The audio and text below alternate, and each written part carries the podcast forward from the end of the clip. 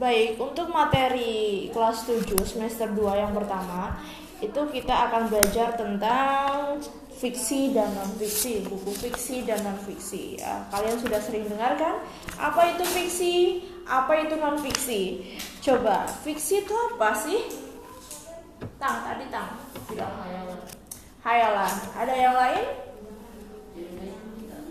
Cerita yang tidak nyata atau bahkan Aska mau menambahin mungkin? ah imajinasi. Itu fiksi ya? Jadi fiksi itu rekaan hayalan nggak nyata. Pokoknya imajinasi lah ya. Nah, terus kebalikan dari fiksi adalah non fiksi apa itu non fiksi cerita nyata. Terus? Ber, iya kenyataan berdasarkan berdasarkan pada kejadian yang sebenarnya atau asli gitu kan nah, contohnya kalau non fiksi itu apa sih? Contohnya itu apa kalau non fiksi? Hmm? Apa yo?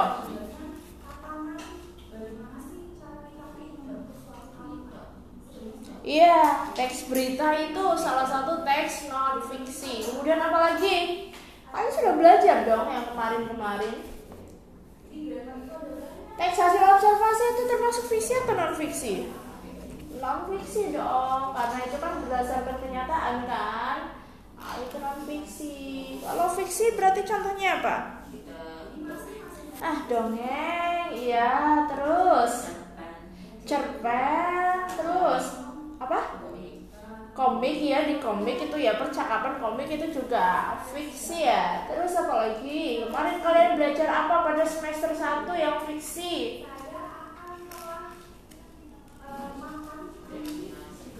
Narasi ya eh narasi imajinasi atau atau fantasi. Hmm. terus kalian itu lebih suka cerita di buku-buku fiksi apa non fiksi sih ah berarti kalian lebih suka nonton Doraemon ya daripada nonton berita iya kan? Ah iya dong. Apa ya kayak Doraemon terus apa lagi? Eh? Biasanya kalian nonton apa itu? Yang beruang-beruang yang di GTV tahu? Beruang Oh, Filipin apa? Filipin pada zaman dahulu. Terus apa? Udah nggak ya, udah nggak tayang lagi ya. Kalian suka nggak nonton yang pas pagi-pagi itu yang beruang itu? Suka? Pasti suka kalian yang beruang tiga itu, yang beruang coklat, beruang putih sama beruang putih hitam itu. Iya, kalian suka film itu masih suka. Terus itu nanti ada lagi kayak Rainbow Ruby gitu. Rainbow Ruby gak? Terus itu polis suka gak? Yang itu yang mobil polisi gak suka? Sukanya itu ya, yang beruang tadi. Bernard Bird suka nggak? Bernard Bird suka. Iya ya Allah Enggak sekarang, kalau sekarang masih suka apa itu itu banget ya Allah nggak tahu itu Bernard itu betul banget menurut ibu terus itu larva larva suka nah kalau larva itu masih mending kadang ibu juga suka suka nonton larva Nah itu itu tuh cerita-cerita fiksi. Kalau non fiksi itu kalau di TV ya kayak berita-berita gitu ya, kayak kayak berita-berita itu non fiksi. Terus nih ya, nanti kita akan belajar tentang menemukan unsur-unsur buku fiksi dan buku non fiksi. Kemudian nanti kita juga akan menelaah hubungannya apa sih antara buku fiksi dan non fiksi. Coba sebelum ibu jelaskan lebih lanjut, ibu tanya dulu, kira-kira apa sih hubungannya antara buku fiksi dan non fiksi? Coba. Hubungannya apa sih? Kalian pernah baca novel nggak? Pernah baca novel? Novelnya siapa, Tang? Eh? B.J. Habibie. Ada novelnya, Mak? Itu buku biografi barangkali ya? Itu buku eh? Berarti novel tapi novel berdasarkan kisah nyata ya? Kalau novel selain itu yang yang fiksi gitu kayak Laskar Pelangi atau novel-novelnya Terelia pernah baca tidak? Nggak pernah? Aduh nggak pernah ya? Oh. Terelie misalnya ya kayak Terelie itu kan adalah buku-buku fiksi. Tapi meskipun buku-buku fiksi ya meskipun kejadiannya itu tidak nyata maksudnya dalam artian latarnya itu ada yang digubah gitu kan terus nama-nama orangnya juga ada yang nggak nyata tapi e, cerita yang ada di dalam cerita fiksi atau novel itu biasanya berdasarkan kenyataan jadi kayak penulis nih ya melihat sebuah kenyataan yang ada di dalam nyat, alam nyata gitu kan.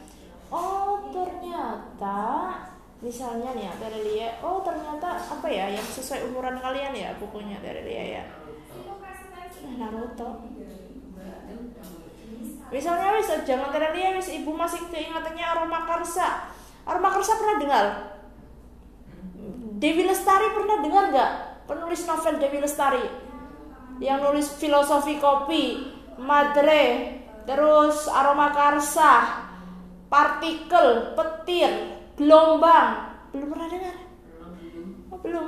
Ah, beliau merupakan merupakan salah satu salah satu sastrawan Indonesia yang tulisan-tulisannya itu lebih banyak bercerita tentang ilmu alam. Jadi beliau menyampaikan, Mbak Di ini Mbak Di itu menyampaikan ilmu alam tapi dalam bentuk cerita novel. Ada gambaran nggak sih?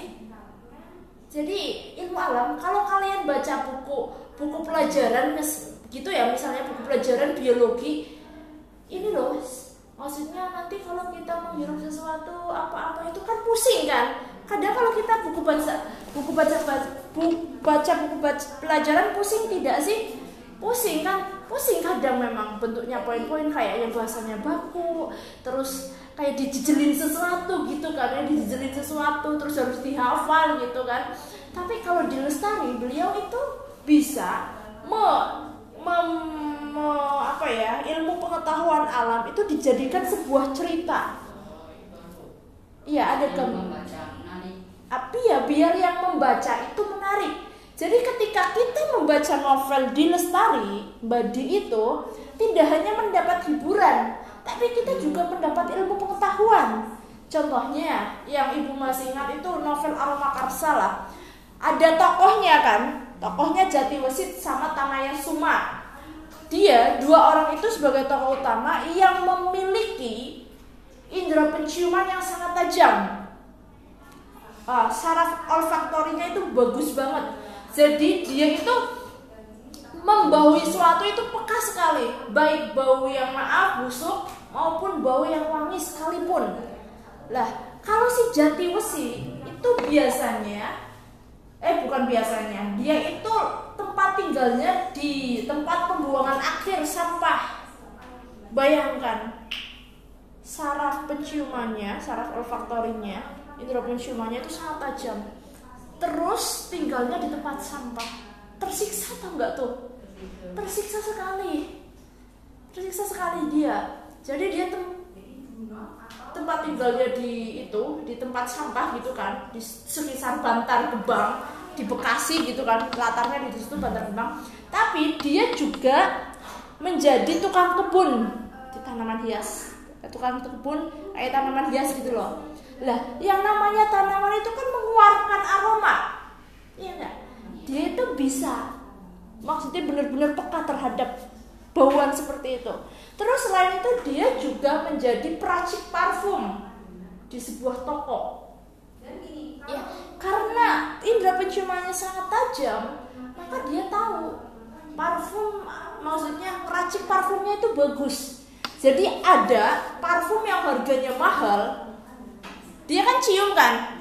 Oh ini gabungan antara misalnya ya tanaman lavender sama melati misalnya. Terus ada lagi tanaman apa? Dia itu tahu. Terus dia niru racik sendiri.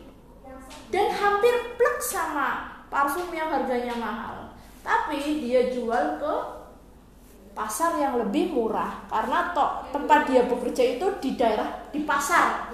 Kalau pasar kan berarti orang-orangnya biasa yang beli parfum itu kan bukan orang-orang yang berduit sekali gitu kan. Lah itu. Tapi dia itu tajam banget. Kalau kita, kalau kita memiliki penciuman yang tajam itu tidak hanya peka terhadap bau-bauan yang harum tapi juga peka terhadap bau-bauan yang busuk. Ya. Lah satunya Tanaya Suma dia itu uh, anaknya pengusaha kosmetik pengusaha parfum juga dia juga yang peracik parfum dan parfumnya lari sekali gitu kan. Lah yang ditiru itu parfumnya si Tanaya Suma itu sama si Jatiwesi tapi karena dia tidak terbiasa di tempat yang kotor ter, maksudnya terbiasanya di tempat yang wangi gitu kan jadi ketika dia membawa sesuatu yang busuk dia langsung mual langsung mual gitu langsung mual sampai ke sampai, apalagi apalagi kalau pokoknya peka sekali lah gitu jadi langsung mual itu ya jadi itu kan dari situ kita jadi tahu oh ternyata yang namanya indera penciuman cara kerjanya begini misalnya gitu kan Nah, terus nanti ada lagi, oh tanamannya ternyata ada tanaman ini. Oh, itu ilmu biologi. Oh, ternyata kalau mau mencampurkan antara tanaman ini, tanaman ini, tanaman ini jadi parfum itu nanti jadinya ilmu kimia. Iya kan? Larutan-larutan sih ya senyawa lah. Itu kan berarti kan seorang penulis meskipun kejadian dalam novel tersebut adalah fiksi, tidak nyata, tapi tidak lupa menyisipi ilmu pengetahuan di dalamnya. Jadi kita tidak hanya mendapatkan hiburan saja, kita merasa senang. Kalau kita membaca sesuatu kan kita senang. Kalau bentuk dalam bentuk cerita, itu biasanya senang. Tapi kita juga mendapat ilmu baru. Ya, contohnya kayak tadi si Mbak Di. Karena di Lestari itu sebelum menulis novel, dia itu benar-benar riset. Jadi melakukan penelitian dulu karena dia akan menulis tentang aroma gitu kan. Jadi gini loh. Karya sastra itu kan salah satu cirinya menggunakan citraan. Citraan indera, citraan panca indera. Jadi ada apa saja? Hidung, uh, hidung penciuman, terus mata, penglihatan, terus pendengaran, telinga, terus apa lagi? Peraba dan perasa itu kan jadi tugas penulis karya sastra itu biasanya yang ditulis itu menggunakan citraan penglihatan dan pendengaran makanya ketika menggambarkan seseorang itu kan secara tidak langsung kita dipancing inderanya untuk melihat sesuatu iya atau tidak sih ketika kalian membaca karya sastra membaca novel membaca cerpen kemudian di situ penulis mencirikan tentang tokohnya tokohnya dia adalah seorang yang biasa nongkrong di pasar. Kita langsung membayangkan pasar gimana? Rambutnya acak-acakan, iya kan? Terus rambutnya acak-acakan, matanya merah, seperti tidak pernah tidur. Itu indera apa? Penglihatan, iya tapi ketika saya tapi ketika saya sedang melewati orang itu baunya wah saya sampai mau muntah itu indera apa penciuman. Belum lagi ketika dia berbicara dengan anaknya menggunakan bahasa-bahasa yang sangat kasar. Indera apa? Ayo menggunakan bahasa yang sangat kasar. Pendengaran. Jadi secara tidak langsung kan kita ketika membaca karya sastra sebenarnya panca indera kita itu digali, maksudnya di di apa ya, diasah biar semakin peka, iya kan? Jadi kan kita kan dipaksa, kita lagi membaca, tapi kita membayangkan, oh di pasar itu ada orang yang acak-acakan, baunya kayak gini, kan kita akhirnya panca inderanya hidup, iya kan? Bisa membayangkan, bisa merasakan, eh bisa bisa membayangkan, bisa seolah-olah mendengar dan bisa seolah-olah mencium atau membaui. Iya, ya kan? Lah kalau karya sastra kebanyakan itu menggunakan citraan penglihatan dan pendengaran.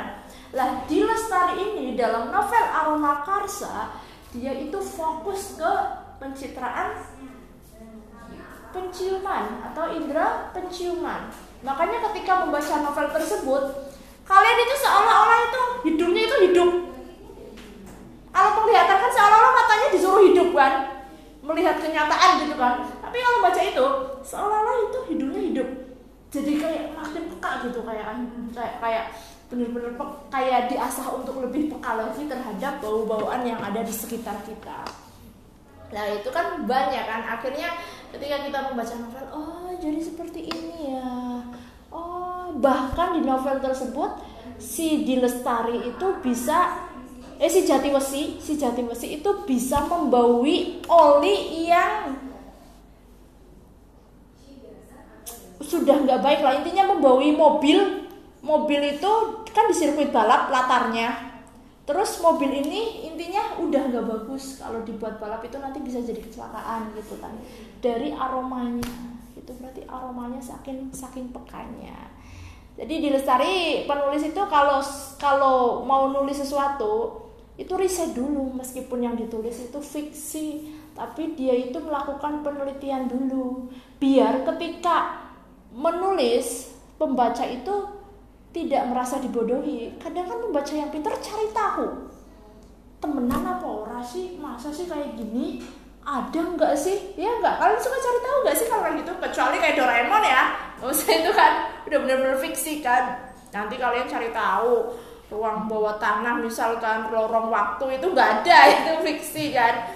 Tapi kalau kalau ibu kalau ibu kalau baca meskipun itu fiksi ibu cari tahu Ayo pas baca baca novelnya Terelie yang tentang kamu latarnya itu kan di Indonesia di sebuah pulau kecil namanya Pulau Bungin yang di pulau tersebut sangat padat sehingga kambingnya itu nggak makan rumput tapi makan kertas.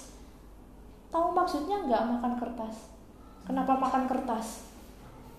Kenapa kambing di situ makan kertas Iya, udah banyak pemukiman sehingga itu rumput-rumput tuh nggak ada gitu kan. Ibu cari tahu di Google, di Google letaknya di NTB. Iya, memang ada sebuah daerah yang kalau dilihat dari atas itu rapet gitu loh. Kumuh. Ya kemungkinan kalau terlalu rapat itu nggak lihat di dalamnya sih cuma ibu lihat dari itu dari penginderaan jauhnya. Oh, begitu ibu kalau baca novel ibu suka suka suka sekalian suka sekalian cari-cari oh beneran enggak sih? Oh iya gitu suka kayak gitu. Bergantung. Makanya kalau kita pengen ibu sarankan kalau kita pengen punya wawasan luas yang bagus itu kalau kita nggak suka baca teori-teori kayak gini baca novel aja. Ya novelnya Terelie, Di Lestari, Laskar Pelangi, Indra Andrea Hirata itu bagus-bagus begitu ya. Jadi jadi hubungannya begini. Buku fiksi dan buku non fiksi kan. Jadi ilmu pengetahuan yang ada di di buku non fiksi iya kan? Ilmu pengetahuan yang ada di buku non fiksi kemudian dituangkan dalam bentuk novel. Iya kan? Jadi kita pembaca tanpa harus membaca buku pelajaran jurnal atau makalah atau hasil penelitian kita jadi tahu ilmunya. Dengan membaca buku fiksi itu salah satu hubungannya. Jadi ilmu pengetahuan yang diperoleh dari buku-buku non fiksi kemudian ditulis ulang menjadi menggunakan buku-buku fiksi menggunakan fiksi. Atau karya sastra yang namanya karya sastra berarti nanti di situ ada tokohnya ada latarnya ya kan? Ada temanya ada alurnya. Karya sastra kan itu harus ada itunya kalau di buku non fiksi nggak ada tokohnya ada. Nggak ada kan? Nggak ada. Seperti itu ya. Itu kaitannya antara fiksi dan non fiksi. Kemudian dari buku fiksi itu ada pengetahuan kan? Misalnya nih sering juga ibu ketika membaca buku fiksi kan ibu nggak tahu kan? Awalnya nggak tahu. Contohnya kayak tadi lah baca Roma Karsa. Ibu nggak tahu kan wah ternyata syaraf olfaktori kayak gini. Oh ternyata indera penciuman kayak gini. Oh ternyata yang namanya tanaman itu bisa mengeluarkan minyak. Kan ibu awalnya nggak tahu kan? Dari buku fiksi tersebut akhirnya ibu cari tahu di buku non fiksi buku-buku pelajaran. Misalnya di buku biologi gimana sih tanaman itu? Kemudian kenapa sih bisa mengeluarkan minyak? Kenapa sih baunya harum kenapa sih? Terus fungsi minyak itu untuk apa sih bagi tanaman itu sendiri? Iya kan? Terus lagi oh kira-kira kalau mis kapas lagi baca lagi oh ternyata pencampuran ini sama ini kayak gini kayak gini perbandingannya kayak gini ilmu kimia. Ibu jadi penasaran kan sama teori non fiksinya kan? Oh oh iya oh ternyata larutan ini sama ini kayak gini. Oh ternyata kayak kalau air sama minyak itu nggak bisa dicampur jadi kalau mau dicampurkan si minyak itu harus menggunakan larutan selain air, kayak misalkan alkohol berupa etanol atau mungkin bisa berupa apalagi absolut apa-apa. Oh ternyata minyak sama air kalau misalkan di spray nggak bakal keluar. Nah gitu kan? Akhirnya kan dari buku fiksi, ibu awalnya itu baca buku fiksi, tapi akhirnya cari tahu ke buku non fiksi. Ya kayak tadi baca, oh masa ada ya suatu daerah yang kambingnya itu makan kertas saking padatnya penduduk. Itu kan dari buku fiksi kan? Ternyata memang di non fiksi ada. Akhirnya kan kita akhirnya ibu cari tahu ilmu apa itu? Demografi kan? Persebaran penduduk kan? Nah, geografi itu ya ilmu cakupan geografi. Dan lain-lain gitu. Jadi dari non fiksi bisa diubah menjadi fiksi dan dari fiksi kita bisa menulis buku non fiksi. Ya kan dari fiksi tadi akhirnya ibu penasaran ibu cari tahu teori non fiksinya teorinya bener kan? Terus ibu bisa nulis buku non fiksi. Nah begitu. Jadi ada kaitan ada kaitannya memang antara non fiksi dan fiksi. Paham sampai sini? Ada gambaran atau tidak sekarang? Nah